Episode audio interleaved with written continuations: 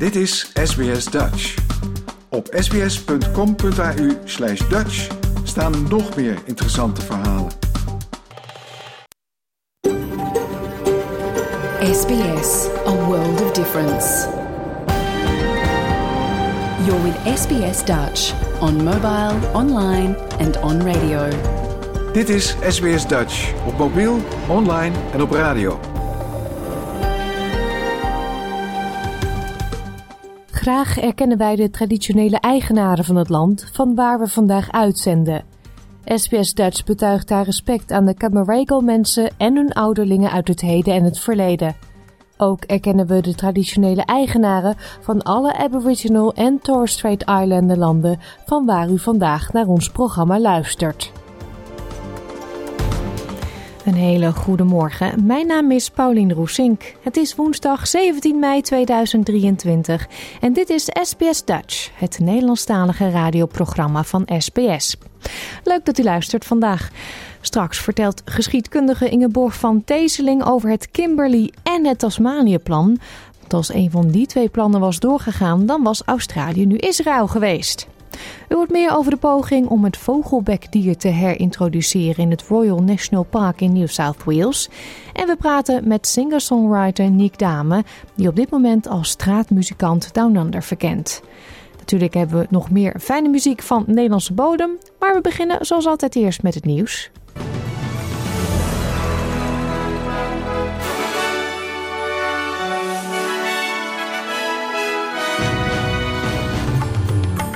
Dit zijn de headlines van het SBS Dutch nieuwsbulletin van woensdag 17 mei. Amerikaanse president Joe Biden annuleert bezoek aan Australië. Zeven kinderen in ziekenhuis na ongeluk met schoolbus. En Inter Milaan bereikt finale Champions League.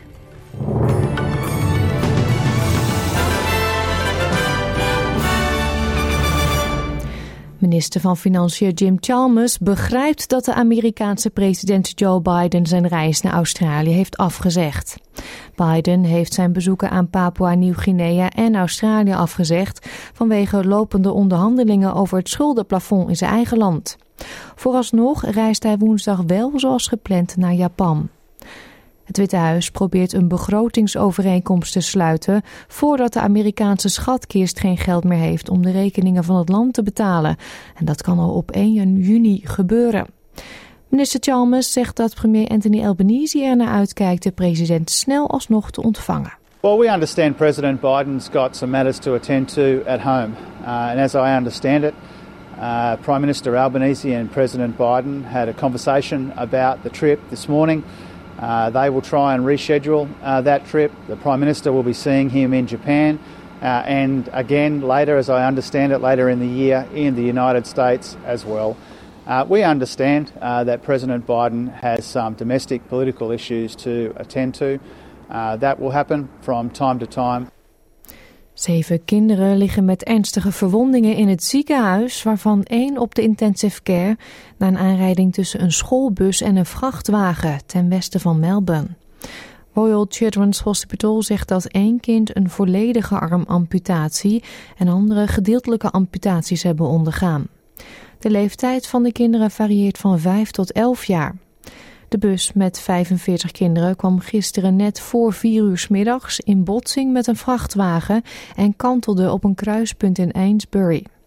Minister van Financiën Jim Chalmers noemt de situatie hartverscheurend. Our hearts do go out to the families, uh, the school community, and particularly uh, those little children uh, who are involved in this accident.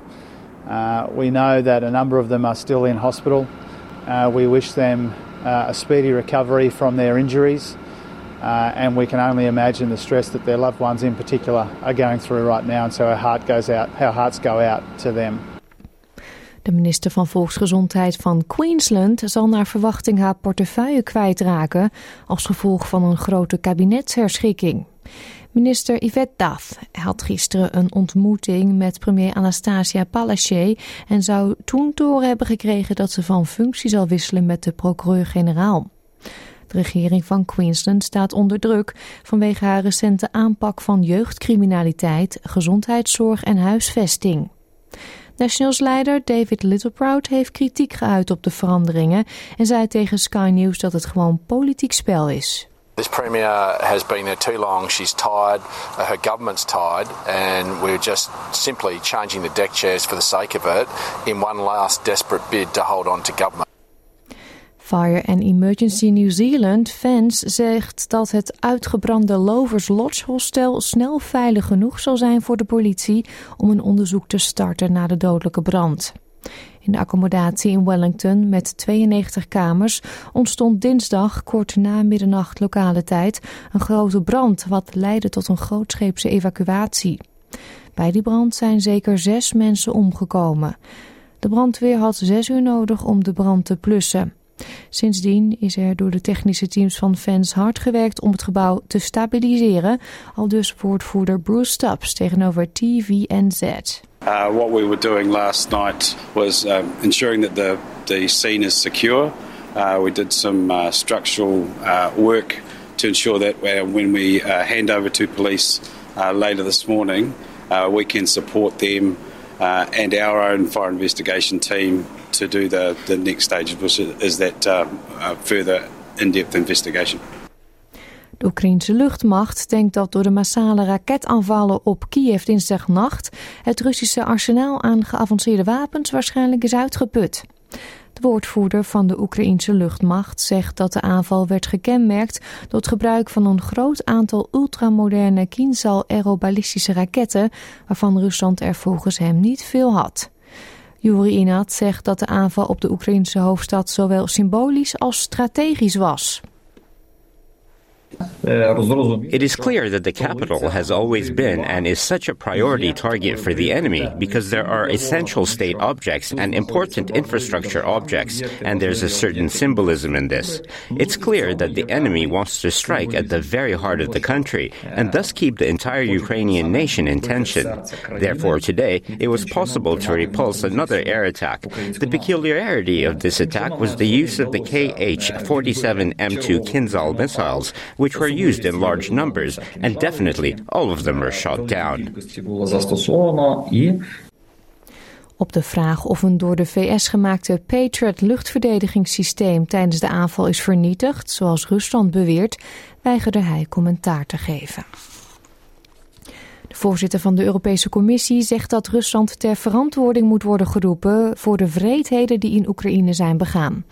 Ook herhaalde ze de toezegging van de EU om Oekraïne zo lang als nodig is te steunen.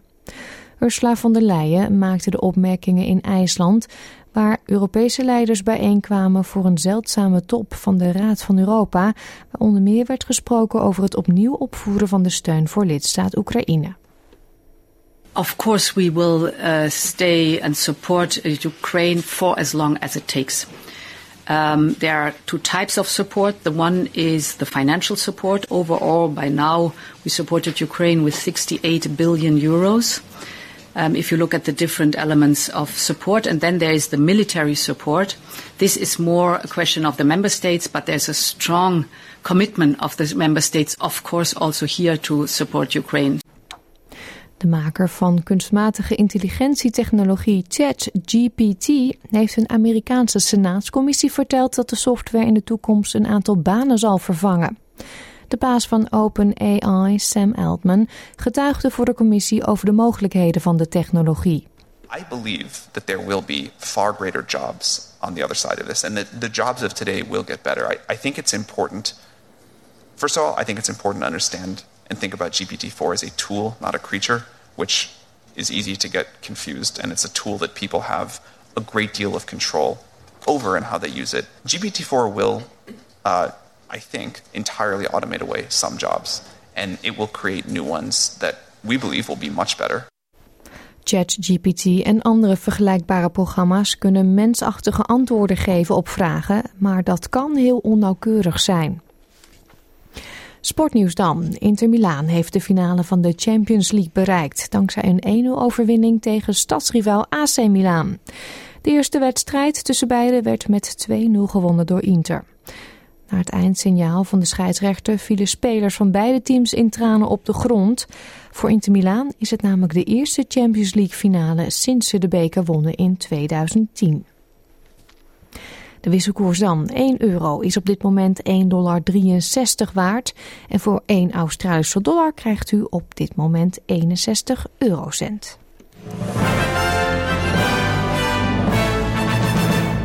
Kijken we nog naar het weersbericht voor vandaag. In Perth schijnt de zon en wordt het 26 graden. Het is gedeeltelijk bewolkt in Adelaide, 16.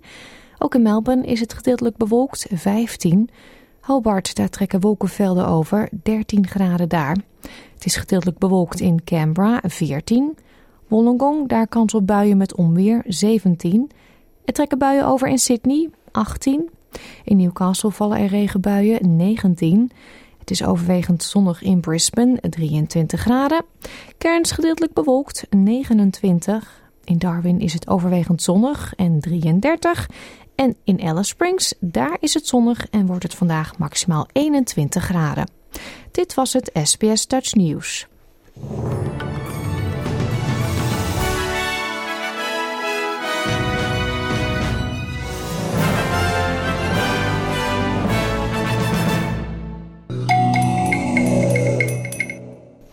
Nogmaals een hele goede morgen. Straks een bijzonder verhaal van historica Ingeborg van Tezeling over hoe de Joodse gemeenschap de mogelijkheid onderzocht om in Australië een eigen land te stichten.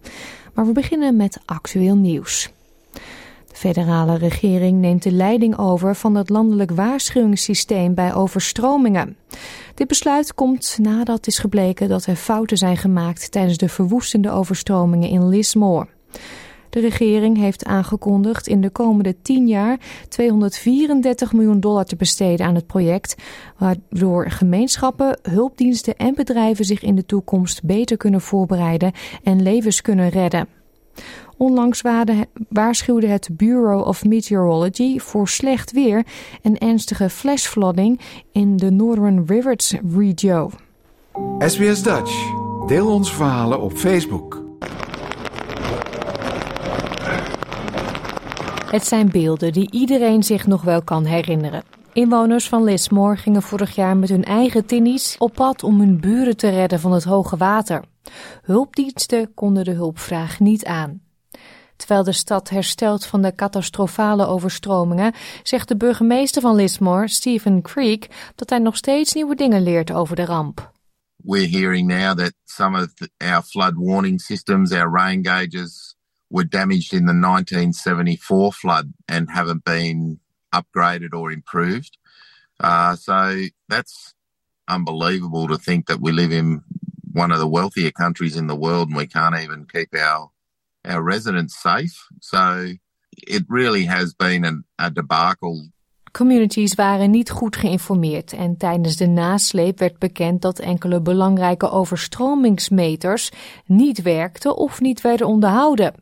Volgens de federale minister van Milieu, Tanja Plibersek, waren de meters geen onderdeel van een uniform systeem. In fact, there are 1,400 flood gauges owned by 41 different councils.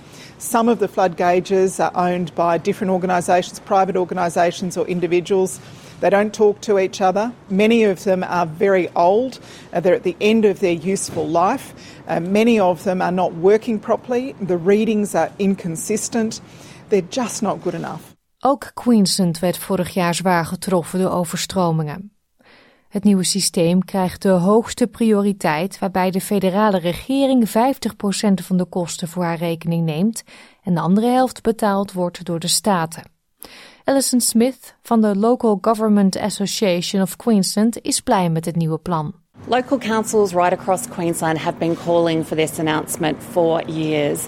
It is vital that Queensland's flood warning early detection network is improved and is maintained consistently going forwards because this is a matter of saving lives. It's all about community safety. Het Bureau of Meteorology vertelde Senate Estimates in februari dat het National Flood Warning Netwerk bestaat uit 10.000 waterpeilmeters verdeeld over heel Australië. Deze waterpeilmeters worden beheerd door meer dan 100 autoriteiten en derden. De normen waren per staat verschillend en niet alle gegevens werden teruggestuurd naar de bom. Directeur van meteorologie Andrew Johnson zegt dat dit het werk van het Nationale Weerbureau een uitdaging maakte.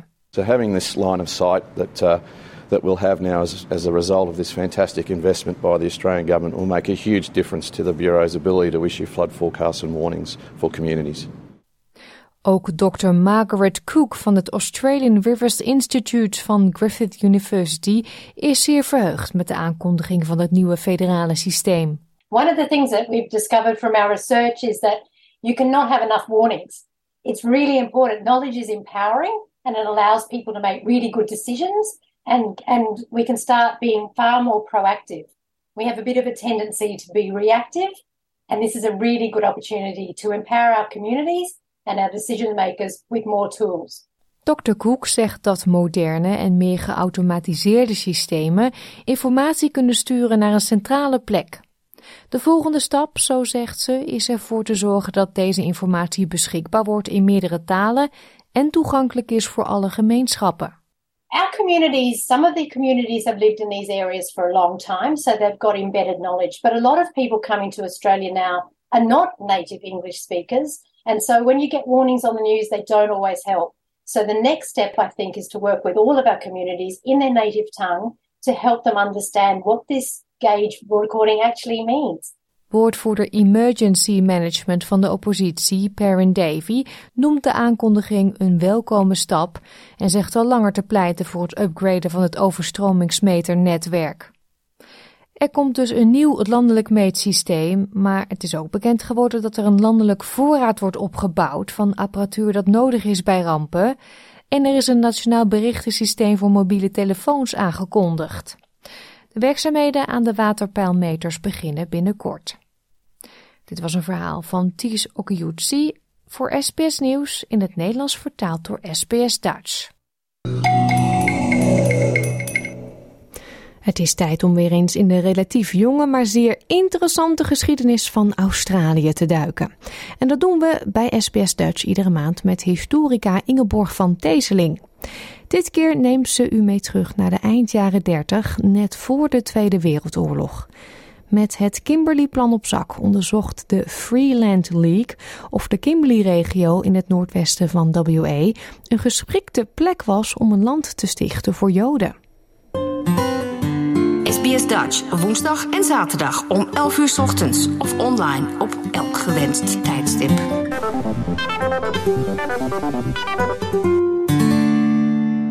Het is nu zo precies 75 jaar geleden dat Israël werd gesticht op 14 mei 1948.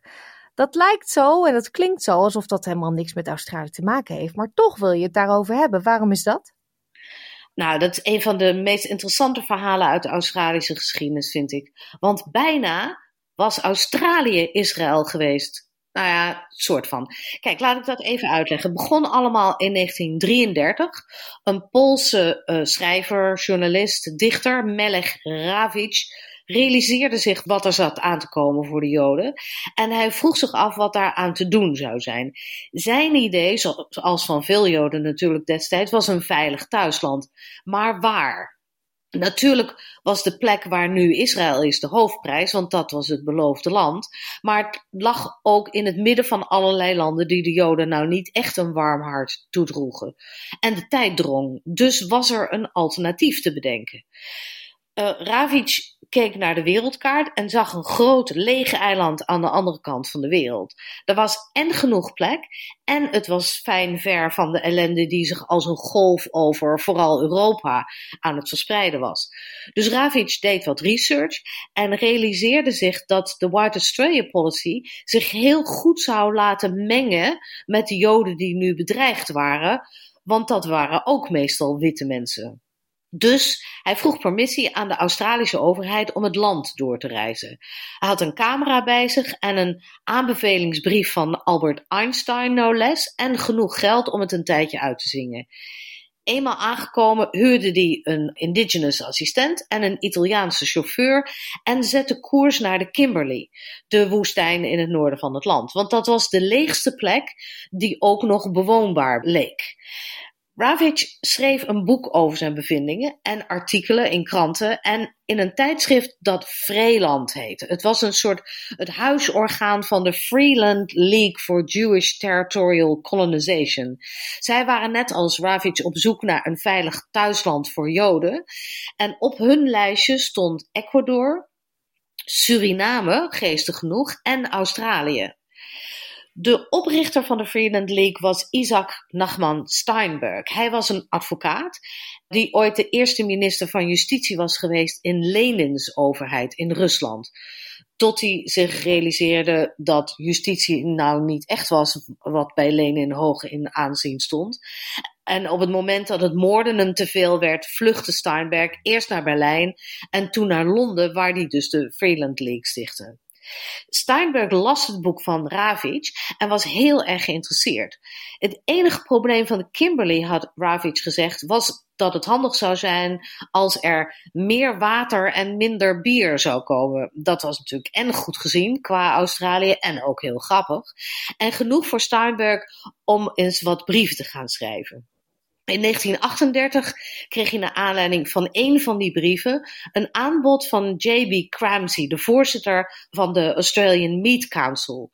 Cramsey suggereerde dat 6500 vierkante kilometer in de Kimberley, of misschien op Melville Island, ideaal zou zijn voor 25.000 jonge Joodse families. Daar konden ze dan makkelijk samen een samenleving starten die zelfstandig zou kunnen opereren datzelfde jaar, in 38, werd dat plan gepubliceerd in allerlei Europese kranten. En je kunt je natuurlijk voorstellen onder de, wat er aan de hand was, dat ze werden overladen met aanvragen. En niet veel later kregen ze ook een aanbod. 7 miljoen hectare was beschikbaar. Dat zei de firma van Connor, Doherty en Durack. Op het moment stonden er koeien en het had geen geweldige reputatie, maar als ze het wilden hebben, konden ze dat tegen een redelijke prijs kopen. Ja, kopen. Van welk geld? Van het geld van de Joodse gezinnen? Nee, voorlopig zou de Freeland League van Steinberg dat land kopen voor 180.000 pond, het equivalent van zo'n 12 miljoen dollar. Ze zouden ook de organisatie op zich nemen en verder voorlopig voor alles betalen. En Steinberg zei tegen de Australische overheid dat hij de garant voor stond dat het geen politiek settlement zou worden. Dat het een onderdeel van Australië zou blijven en dat het niet alleen genoeg voedsel voor zichzelf zou verbouwen, maar ook voor de rest van Australië. Dus een soort van geef je toestemming en wij kunnen nuttig voor je zijn. En je doet ook nog iets goed voor de wereld. Nou, dat klonk hartstikke goed natuurlijk. En op zich was de Australië er best voor te vinden. Want niemand gebruikte de Kimberley echt. En het paste ook nog goed in een overeenkomst die in 1938 was gesloten op de Evian-conferentie in, in Parijs. Daar had Australië beloofd om 15.000 Joodse vluchtelingen op te nemen. En dat wilde maar niet lukken, want door de regelgeving in Australië waren er nog maar een paar honderd mensen toegelaten en dat schoten ze niet op. Dus dit is de situatie in 38. Uh, Steinbeck gaat een beetje geld bij elkaar zoeken en begin 1940 kwam hij naar Australië om het land te bekijken. En hij werd rondgeleid door Elizabeth Durack, de dochter van Michel, wiens land het was. Die Elizabeth zou later een hele beroemde schrijver en schilder worden probleem was natuurlijk dat dit al tamelijk laat was, want de oorlog was al begonnen. Maar Steinbeck was ontzettend enthousiast. Hij was al gedichten aan het schrijven over Joodse kangoeroes, zei hij. En al snel reisde hij het land door om het Kimberley-plan, zoals dat was gaan heten, te verkopen. En dat deed hij heel slim. De nieuwe settlement, zei hij, zou de drie dingen brengen die Australië het meeste nodig had. Money, men en inspiration. Dus geld, mensen en inspiratie. En hij had een petitie opgesteld die door kerkleiders en academici en premiers en rechters en burgemeesters en schrijvers en activisten en zelfs de meeste vakbonden werd ondertekend. Echt duizenden mensen. Natuurlijk waren er ook mensen die vonden dat Joden eng waren. Een van de grote kranten schreef bijvoorbeeld dat de vervolging van de Joden hun eigen schuld was, omdat ze zei de krant, nooit loyaal waren geweest aan welk land dan ook. En dus was het terecht dat uh, er gebeurde wat er gebeurde. En zelfs niet alle Joodse organisaties in Australië waren blij met het Kimberley-plan. plan. Want sommigen prefereerden Palestina, Israël, het beloofde land. En anderen waren bang dat zo'n grote groep Joden antisemitisme zou opwekken. Ja, maar ondertussen leidde die oorlog dus wel steeds verder op. Nou ja, precies. En in september 1940 kwam er een schip aan in Sydney. Dat heette de Dunera. En aan boord waren 2500 enemy aliens, vijandige vreemdelingen, zoals dat werd omschreven. Dat waren vooral trouwens Duitse Joden die door de Britten waren gedeporteerd. Het was een vreselijke tocht geweest. De Britse bewakers hadden hun protégés uitgehongerd en geslagen en beroofd. En er waren zelfs een paar met bajonetwonden. De Australiërs waren absoluut geschokt, maar ze hadden beloofd om ze op te sluiten. En dat gebeurde dus ook. In grote kampen in Hay en andere plekken waar uh, ook nazi's gevangen zaten. Helemaal niet zo'n goede combinatie natuurlijk. Hebben we het ook al eens eerder over gehad. En onder de groep Duitse Joden was bijvoorbeeld Walter Freud, de kleinzoon van Sigmund Freud. En een hele lijst schrijvers en wetenschappers en muzikanten. Dus niet de minste, uh, zal ik maar zeggen. Nou ja, goed, er waren processen en na Pearl Harbor uh, werden ze gereclassificeerd en vrijgelaten. Een groot gedeelte van hen meldde zich vervolgens trouwens voor het Australische leger. Maar die Dunera-affaire had veel aandacht gekregen. En als gevolg daarvan hadden mensen niet zo'n zin meer in het Kimberley-plan. De oorlog was het nu natuurlijk ook zo ver heen dat het bijna onmogelijk zou zijn om mensen nog veilig hierheen te halen. En in 1942 vertrok Steinberg gedesillusioneerd naar Amerika. Vandaar schreef hij brieven naar minister-president Curtin en hij zei: Miljoenen mannen, vrouwen en kinderen worden op het moment overal ter wereld vermoord. Ze zijn onschuldig en niemand beschermt hen, maar ik weet zeker dat u solidair met hen bent. Doe iets. Maar kunnen deed niks. En in 1944 wees hij het Kimberley-plan zelfs officieel af. Want er was een opiniepeiling geweest die had berekend dat bijna de helft van het Australische volk helemaal geen behoefte had aan meer Joden. Ze vertrouwden hen niet. En het feit, feit dat Steinberg een rust was, nou ja, dat bewees natuurlijk wel dat ze allemaal communisten waren. Aan het eind van de oorlog, die 6 miljoen Joden het leven zou kosten, werden Joden in Australië openlijk beschreven als een kankergezwel dat ver van het land zou moeten worden gehouden. Wauw, wat een woorden. En uh, was de kous daarmee ook af? Nou, nee, dat was wel het eind van het Kimberley-plan, maar het was het begin van het Tasmanië-plan. Dat was ook heel spannend namelijk. De, volking, de bevolking van Tasmanië was in de jaren dertig als een gek aan het teruglopen en dat was heel zorgelijk. De Premier Albert Ogilvy had al een tijdje een aanvraag liggen bij de federale overheid om zijn problemen op te lossen met Europese vluchtelingen. Dat leek een win-win, maar in 1939 overleed Ogilvy en werd vervangen door Robert Cosgrove. Cosgrove was weer een vriend van Critchley Parker Sr., een journalist uit Melbourne.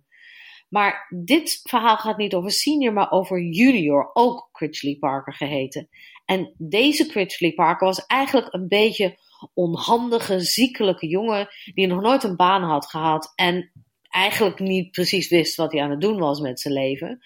Maar eind jaren 30 was hij als een blok gevallen voor Caroline Isaacson, een getrouwde journaliste van die age in Melbourne. Zij was heel actief in de Joodse wereld in Melbourne en al snel vertelde zij Parker over dat Kimberley-plan. Dat deed Parker weer denken aan zijn vaders vriend, de premier van Tasmanië, die nog steeds aan het proberen was om zijn eiland een beetje voller te maken. Dus Isaacson stelde Parker voor aan Steinberg, die op dat moment nog in Australië was. En dat was natuurlijk heel raar. Kijk, Steinberg was er een beetje van in de war. Aan de ene kant zag hij het als utopisch, dat idee van Tasmanië. Maar hij was ook wel onder de indruk dat een niet-Jood uit zichzelf zo'n aanbod deed. Hoe vaak hebben Joden daar niet van gedroomd, schreef hij in zijn boek Australië, het beloofde land, dat zij uit zichzelf bij ons zouden komen met een aanbod, met een uitnodiging.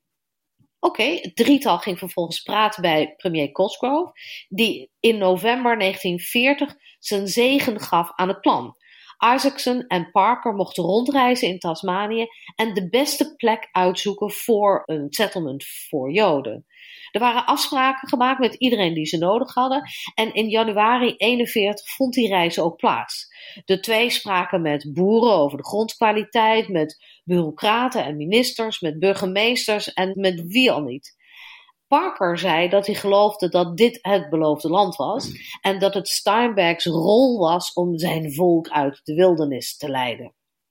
Steinberg, die iets praktischer was, vroeg en kreeg ook een verzekering van Cosgrove dat zijn mensen ook inderdaad mochten komen en een settlement mochten stichten. Het leek allemaal rond. Israël zou in Tasmanië komen. Ja, ik heb uh, best goed opgelet uh, bij geschiedenis. Volgens mij is dat niet gebeurd. nee, want eerst werd Pearl Harbor gebombardeerd en toen Darwin. En net zoals het Kimberley-plan werd het Tasmanië-plan in een laag gelegd. Maar Critchley Parker Jr. nam daar geen genoegen mee. In mei 1942 pakte hij een tas en begon hij te lopen in Tasmanië alleen. Zijn idee was om vast het voorbereidende werk te doen, zodat de mensen snel konden komen. De eerste paar dagen was het goed weer en had hij het enorm naar zijn zin. En hij schreef in zijn dagboek, dat hij trouwens vooral richtte aan Caroline, dat hij haar miste en dat het geweldig zou worden. Hij gaf het nieuwe settlement trouwens ook een naam, Point Duck, een indigenous woord voor zwaan, vogels die daar overal in de meren zaten. Maar op de derde dag sloeg het weer om. Rivieren overstroomden, het regende als een gek en het was heel erg koud. Binnen de kortste keren was Parker ziek en verdwaald en op sterven na dood. Hij trok zich terug in zijn slaapzak in zijn tent en wachtte het einde van regen af. En terwijl hij dat deed, beschreef hij in detail wat Point Duke zou gaan worden een gemeenschap die zou worden gebaseerd op de principes van internationale broederschap en raciale tolerantie, dacht hij. De universiteit zou mensen aantrekken van overal ter wereld. De economie zou lopen op werkweken van 35 uur en een maand vrije tijd. En er zouden jaarlijkse Tasmanian Games worden georganiseerd. Niet in sport trouwens, maar in toneel en gedichten en muziek en kunst en weven. En er zou een haven komen van waar cruises naar de Zuidpool zouden vertrekken. Point Duke, schreef Parker, zou een voorbeeld voor Australië en voor de wereld worden. Ja, dat klinkt heel erg mooi, maar ik ben wel heel benieuwd wat er nog met Critchley Parker gebeurd is uiteindelijk. Ja, dat is een beetje treurig natuurlijk. In september 42 zagen vissers die langskwamen een grote stok in de duinen. Daar zat een soort doorweekt briefje aan waar help op stond. En toen ze verder gingen zoeken, vonden ze een al ontbonden lichaam. Omgeven met wat spulletjes en een, en een dagboek. Dat dagboek waar ik net uit citeerde. Een camera en een portemonnee en wat brieven. En een kompas met de naam Critchley Parker gegraveerd op de achterkant. Een paar dagen later vlogen zijn ouders in en begroeven hem waar hij was overleden. In oktober van datzelfde jaar, dus een maand later, was er een juridisch onderzoek waaruit bleek dat Critchley Parker was doodgehongerd en dat dat twee maanden had geduurd.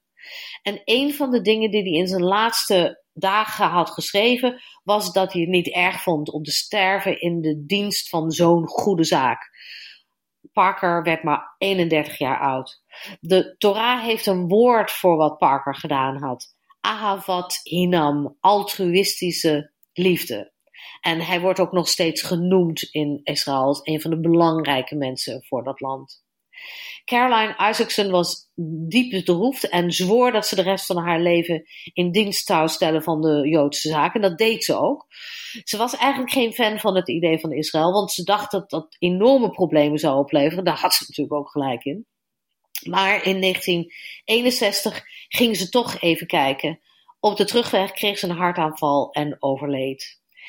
Critchley Parker Jr. kreeg een parkje in Beaconsfield, uh, Victoria. En bijna niemand weet meer in Australië weet meer wie die was. In Israël wel, trouwens. Steinberg hoorde in 1945 in Amerika dat zijn moeder was vergast in Auschwitz. En hij zou tot zijn dood in 1957 het Kimberley en het Tasmanië-plan blijven aanzwengelen. Zonder resultaat, zoals we weten. Melech Ravic, de man waarmee dit allemaal begon, had bij zijn tweede bezoek aan Australië zijn twee kinderen meegenomen. En toen hij na de oorlog naar Canada vertrok, bleven die twee kinderen achter. Jossel werd een hele goede schilder, een vriend van Sidney Nolan en Arthur Boyd. En zijn zus Ruth werd een danser en choreograaf. Met de Australische beloftes om veel Joodse vluchtelingen toe te laten, ging het overigens niet zo goed. In 1945, na het einde van de oorlog, zegde Arthur Cole, de minister van Emigratie, toe dat er 2000 Joodse vluchtelingen mochten komen, in ieder geval. Daar zaten trouwens wel voorwaarden aan. Ze moesten kunnen bewijzen dat ze in een concentratiekamp hadden gezeten. Dat is natuurlijk nog niet zo makkelijk. En ze moesten familieleden zijn van Joden die hier al woonden. En die mensen moesten dan vijf jaar financieel garant voor hen staan. Dit in een tijd dat we A wisten wat er met de Joden was gebeurd en B allerlei andere groepen mensen voor 10 pond of zelfs gratis naar Australië lieten komen. Dat is toch natuurlijk wonderlijk. In 1948 was er een opiniepeiling en de uitslag daarvan was dat als Australiërs mochten kiezen tussen Joden en nazi's toelaten, ze dan liever nazi's hadden, want Joden waren veel te anders en gezien de ontwikkelingen in Israël, wat natuurlijk op dat moment aan het ontstaan was, was het duidelijk dat ze ook allemaal terroristen waren. Dus opeens van communisten waren ze nu terroristen geworden. Koolbol was bang voor zijn baan en trok zijn aanbod in. En zelfs toen de mensen uit de Baltische Staten werden toegelaten, werden de Joden uitgesloten. Uiteindelijk is de schatting dat maar zo'n 500 Joden maximaal zijn toegelaten in de eerste tien jaar na de oorlog. Want ja, kijk, Australië was weer terug op zijn oude stek, angstig voor de buitenwereld, zich terugtrekkend achter de hoge kasteelmuren van de oceaan. Maar ja, kijk, we moeten ons maar vasthouden aan het feit dat even, heel even hadden we erop geleken dat dat anders had gekund. Had gemoeten, misschien wel. Ja, wat toch een verdrietig verhaal dit, Ingeborg. Ja, maar ja, wel mooi eigenlijk. Dat had de wereldgeschiedenis ontzettend veranderd natuurlijk. Ja, prachtig, zeker. Dankjewel. Graag gedaan. Nick Dame zong jarenlang in het geheim mee met de liedjes van Ed Sheeran. Zeven jaar geleden trok hij tijdens een surfcamp de stoute schoenen aan en zong tijdens een open podiumavond. Sindsdien is de 24-jarige Nick volop bezig met muziek, heeft hij geleerd gitaar te spelen en schrijft hij zijn eigen liedjes. Na zijn afstuderen besloot hij niet meteen aan een drukke baan te beginnen, maar zijn liefde voor muziek een kans te geven. En heel toevallig liep ik hem persoonlijk tegen het lijf tijdens mijn trip naar Melbourne. Ik heb nu een diploma, ik heb een heel goed diploma met, met zekerheid. Laat ik eens kijken hoe ver ik kom als ik het probeer. En ja, ik ben 24, ik ben super jong, dus ik heb helemaal niet zoveel verantwoordelijkheden nu. Dit is de kans en het moment in mijn leven om dit te proberen. En worst case heb ik van muziek gereisd en de wereld gezien. En dan begin ik later met werken. Ja, ik kan nog lang genoeg werken natuurlijk. Uh, hoe, hoe, hoe, gaat het ja, zo in Australië? Is het makkelijk om in een stad aan te komen en um, te regelen dat je daar op straat mag spelen? Nou, dat was best wel een gok eigenlijk. Want ik had in Tilburg wel op straat opgetreden, maar niet zoveel als ik het hier doe. Maar ik wist vanuit Tilburg wel van, oké, het wordt, als je op straat optreedt, op de manier hoe ik het doe, wordt het wel genoeg gewaardeerd om genoeg van te verdienen om te kunnen reizen. Hoe doe jij dat dan? Want je zegt, zoals ik het doe, hoe doe jij het? Wat ik daarmee bedoel is dat ik met een, met een versterker speel en gitaar speel en zing. En het iets meer op de voorgrond staat dan hoe het in Nederland in ieder geval, wat ik heb gezien, nu meer bekend staat. Als je in Nederland om een straatartiest vraagt, waar iemand dan aan denkt, denken ze niet gelijk aan een jongen die gitaar speelt en zingt met versterkt geluid. Nee. In Nederland is dat niet zo in de cultuur. Dat Nederland nog meer regeltjes heeft dan Australië. Dus dat is dan heel erg lastig. Ja. Dus jij dacht, je had daar alle vertrouwen in dat dat hier wel goed zou komen? Ja, maar ik, uh, ik was net klaar met studeren. Ik had al mijn spaargeld daar eigenlijk voor gebruikt. Dus ik had helemaal niet zoveel geld over. Dus het was wel een gok. En ik wilde niet hier aankomen en er dan achter komen: oh shit, het uh, verdient 50 dollar op een dag en nu. Ja. Dus ik had wel een working holiday visa aangevraagd. Zodat als het nou niet goed genoeg werkte, dat ik dan altijd nog terug kon vallen op een baan die ik hier dan zou zoeken. Dus het was een gok, maar wel met een plan B. Ja, dat is heel slim natuurlijk. Maar dat heb je dus niet nodig. Nee. Nee, Dus voor de mensen die aan het luisteren zijn en die denken van, uh, nou, ik maak muziek en ik wil Australië zien. Ja. Of rond gaan reizen in Australië. Het zijn natuurlijk mensen die al in Australië wonen die voornamelijk luisteren. Maar ja, je, je kan ervan reizen. Hmm. En hoe zijn de reacties van het publiek die langs jou vaak gewoon per ongeluk of toevallig, net als ik. Ik ben één keer een weekend in Melbourne vanuit Sydney en ik zie iemand optreden en die naam die er op dat bord stond, dat was Niek. En ik denk, nou dat kan niet anders dan een Nederlander zijn. En daar was jij. Mega toevallig. Ja, er bleven toch best wel wat mensen stilstaan om naar je te luisteren. Hoe zijn de reacties van het publiek? Ja, de, de reacties zijn onwijs leuk en dat motiveert zo erg om door te gaan. Je krijgt en terwijl je aan het optreden bent, zie je de mensen stoppen, luisteren, glimlachen, uh, duimpjes opsteken of uh, nou ja, een donatie geven, wat ook een, een vorm van waardering is. En daarna krijg ik ook heel veel berichtjes vaak van mensen die zeggen van ja, je hebt echt mijn dag gemaakt. Ik had echt niet zo'n fijne dag, maar toen zag ik jou optreden en met je muziek heb je echt even moment van rust gebracht. En blijf dit voor altijd doen alsjeblieft. Dus de reacties zijn heel positief. Ja, en waar ben je allemaal al geweest in Australië? Ik ben in Sydney begonnen. Daar heb ik toen twee weken opgetreden. Toen ben ik naar Melbourne gegaan. En ja, Melbourne bevalt zo goed qua atmosfeer en stad voor optreden dat ik daar eigenlijk voornamelijk ben gevestigd nu. En ik heb vanuit Melbourne een aantal tripjes gemaakt naar Tasmanië, twee weken, naar Gold Coast, Byron Bay, Brisbane, toen weer terug naar Melbourne. En nu ben ik net terug van een week een uh, roadtrip naar de Great Ocean Road en uh, de Grampians. Dus dat is alles wat ik tot nu toe heb gezien. En dan 19 mei vlieg ik naar Brisbane. Om daar op te treden? Ja, daar heb ik een boeking. Iemand zag mij optreden in Melbourne. En die vond het zo leuk dat ze een e-mail had gestuurd en vroeg of ik ook te boeken was. Dus dan ga ik op een bruiloft optreden. Wauw! Ja, dat is wel echt onwijs leuk. In Nederland treed ik ook op, op bruiloften. Maar toen ik hierheen kwam, was het eigenlijk wel een wens om ook hier op een bruiloft op te treden. En ja, dat, dat gaat nu dus gebeuren in Brisbane. Mm. En dat is wel echt, echt heel leuk. Oh ja. Wat is je ultieme droom op uh, het vlak van de muziek? Ja, de droom is om op te treden voor een stadion vol met mensen. Dat is de ultieme droom. dat is zeggen we echt een moonshot. Maar voor nu, mijn droom is om een eigen show te hebben. Dus dat ik echt met mijn eigen liedjes een soort tour kan doen. Hmm. Nou is het niet de meest gemakkelijke branche waar je dan nee. je in begeeft. Volgens mij zijn er heel veel kinderen die van jongs af aan dromen om bekend te worden, om beroemd te worden. Heb je wel eens overwogen om met programma's zoals Idols of The Voice mee te doen? Wel overwogen, alleen ja, het is een beetje eng omdat het ook tv is natuurlijk. Het gaat niet alleen om de muziek, het gaat ook heel erg om de entertainment. En je moet echt klaar zijn voor zo'n programma om daaraan mee te doen. Tenminste, ik, ik ben best wel perfectionistisch en dan voelt het vaak alsof ik nog niet goed genoeg ben. Want als ik dan meedoe, dan wil ik ook meedoen met een kans om te winnen. En ja, daar heb ik tot nu toe, tenminste de afgelopen jaren, voelde ik me daar nog niet echt klaar voor. Nu zou ik me daar misschien wel klaar voor voelen. Um, ik ben ook benaderd voor een programma, laatst toevallig. Kreeg ik een DM van iemand die bij Talpa werkte. Of ik mee wilde doen met een nieuw programma. Kan ik denk ik nog niet te veel over zeggen. Maar ja, ik, ik heb het wel overwogen. En ik zou daar alleen aan meedoen op het moment dat ik daar zelf iets uit haal. Dus ik zou het meer als marketing gebruiken dan om op tv te komen. Zeg maar dan om aan die show mee te doen. Ja, precies. Ja. Voor de mensen die zich afvragen, waar zit Niek nou toch? Nou ja, je bent jong en je reist, dan zit je vaak in een hostel.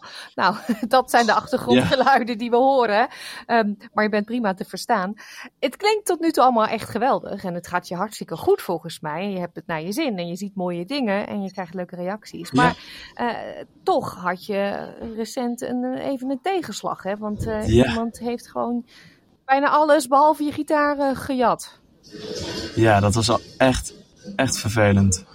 Ik uh, verblijf dus in hostels inderdaad. Dan heb je dus niet je eigen kamer. Maar daar heb ik eigenlijk niet echt problemen mee gehad. Dat is gewoon best wel veilig. Iedereen is aan het reizen en het wordt niet zoveel gestolen. Alleen toen was dus een keer de lift in het hostel kapot. En Ik heb best wel veel music equipment om alle trappen mee op te nemen. Dus vroeg bij de receptie, ja, kan ik het misschien ergens hier beneden laten, waar het veilig staat. Ja, en toen werd dus aangeraden van, ja, hier is een gang waar eigenlijk niemand komt. En de mensen komen langs de receptie. En de achteringang kunnen alleen mensen met een pasje van de bedrijven hier in de buurt komen. Dus hier is het veilig. Dus toen had ik het daar gezet. En volgens de camerabeelden nog geen drie uur later was het door iemand weggehaald. Nee. Waar ik dus de, de volgende ochtend achter kwam. Ja, dat is wel echt, echt een domper. Gelukkig niet je gitaar. Ja, mijn gitaar had ik mee naar mijn kamer omdat ik, omdat ik wat muziek wilde maken. Hmm. Dus dat was geluk bij een ongeluk. Maar ja, je, je komt naar Australië en zonder muziekspullen. Ik heb alles hier gekocht. Maar ja, dat, dat is zo'n 2000 dollar aan muziekspullen. En dat is best wel een investering. Met mijn, met mijn laatste spaargeld Ja, nogal, ja. doe ik dan die investering om eh, op te treden en muziek op straat te brengen. En ja, dan is het gewoon zo zuur als het dan wordt gestolen. Nu heb ik natuurlijk wel al eh, heel wat weken kunnen optreden. Dus had ik wel al iets kunnen sparen. Maar ja, je moet ook verblijven. En Melbourne is geen goedkope stad. Een hostel kost hier ongeveer 60 dollar per nacht. Dus ja, dat was wel even... Ik ben niet zo snel in paniek. Dat scheelt. Maar het was wel vervelend. Ja, en van de, Dus de wel geen enkel spoor uiteindelijk. Want je zegt de camerabeelden waren er, maar Ja, pech, alles weg. ja, ook al mijn, al mijn cd's, al mijn merchandise, al mijn t-shirts. Ze hadden niks laten liggen. Nee. Het zat allemaal in een trolley. Nou, dat is heel handig om mee te vervoeren. Maar ja, ook voor de dief dus. Dus die kon dat mooi allemaal in één keer meenemen. Ja, dus toen, eh, toen had ik inderdaad een, een, even een bericht gedaan en om support gevraagd aan de mensen die mij volgen en die mijn muziek waarderen. En opgetreden met een bord met het verhaal, zeg maar. Ja, en toen heb ik in ieder geval genoeg verdiend om al een groot gedeelte terug te kopen. En dan 30 mei vlieg ik terug naar Nederland. Dus het heeft ook niet zoveel zin om bijvoorbeeld een versterker weer aan te schaffen. Nee. En kijk je daar naar uit of is dat toch wel een beetje jammer? Ik kijk daar eigenlijk wel heel erg naar uit, want ik heb hier nu zoveel opgetreden. En het is jammer omdat ik nog verre van alles van Australië heb gezien. Alleen ik heb ook heel erg veel zin om in Nederland weer op te treden. Dus je bent toch ook gegroeid in je, in je performance. En nu is het in Nederland weer lekker weer. Dus dan heb ik weer helemaal zin om in Nederland op te treden. En mijn familie en vrienden weer te zien natuurlijk. Ja. Nou, het klinkt als een geweldig mooi avontuur. En ik denk dat we meer van je gaan horen. Het zou leuk zijn. Ik hoop het. Voor de mensen in Melbourne, als je Nick wil zien, moet je rap wezen. Want eind mei is hij dus weg. Eh, waar sta jij zo al? Ik sta voornamelijk of bij, bij State Library of in Borg Street. Dat zijn eigenlijk de twee plekken waar ik optreed. En dan bij de Borg Street Mall, onder de lichtjes. Hartstikke leuk. En ehm, mooi dat je wilde vertellen over je mooie muzikale avontuur door Ja, Australië. natuurlijk. En ik wens je heel veel succes, Nick. Ja, dankjewel. Bedankt. Bent u nieuwsgierig geworden naar de muziek van Niek? Ga dan naar onze website www.sbs.com.au Dutch. Want daar staan linkjes naar zijn eigen website en social media kanalen. En kunt u ook een van zijn videoclips bekijken. We komen hiermee aan het einde van deze uitzending van SBS Dutch. Ik noemde net al onze website www.sbs.com.au Dutch. U kunt hier onze uitzending van vandaag en al onze andere interviews en podcastseries terugluisteren. Heeft u een mobiele, telefoon of tablet, dan kunt u ook alles terugluisteren via de SBS Audio app. Deze is gratis en voor niets te downloaden in de App Store of via Google Play. SBS Dutch is natuurlijk ook te volgen op Facebook. www.facebook.com. Zeg het nog een keer. www.facebook.com slash sbsdutch. Geef ons daar een like en reageer op onze onderwerpen. We sluiten af met muziek vandaag van Fleming. Dit is Amsterdam. Ik wens u een hele fijne middag en graag tot zaterdag. Like, deel, geef je reactie. Volg SBS Dutch op Facebook.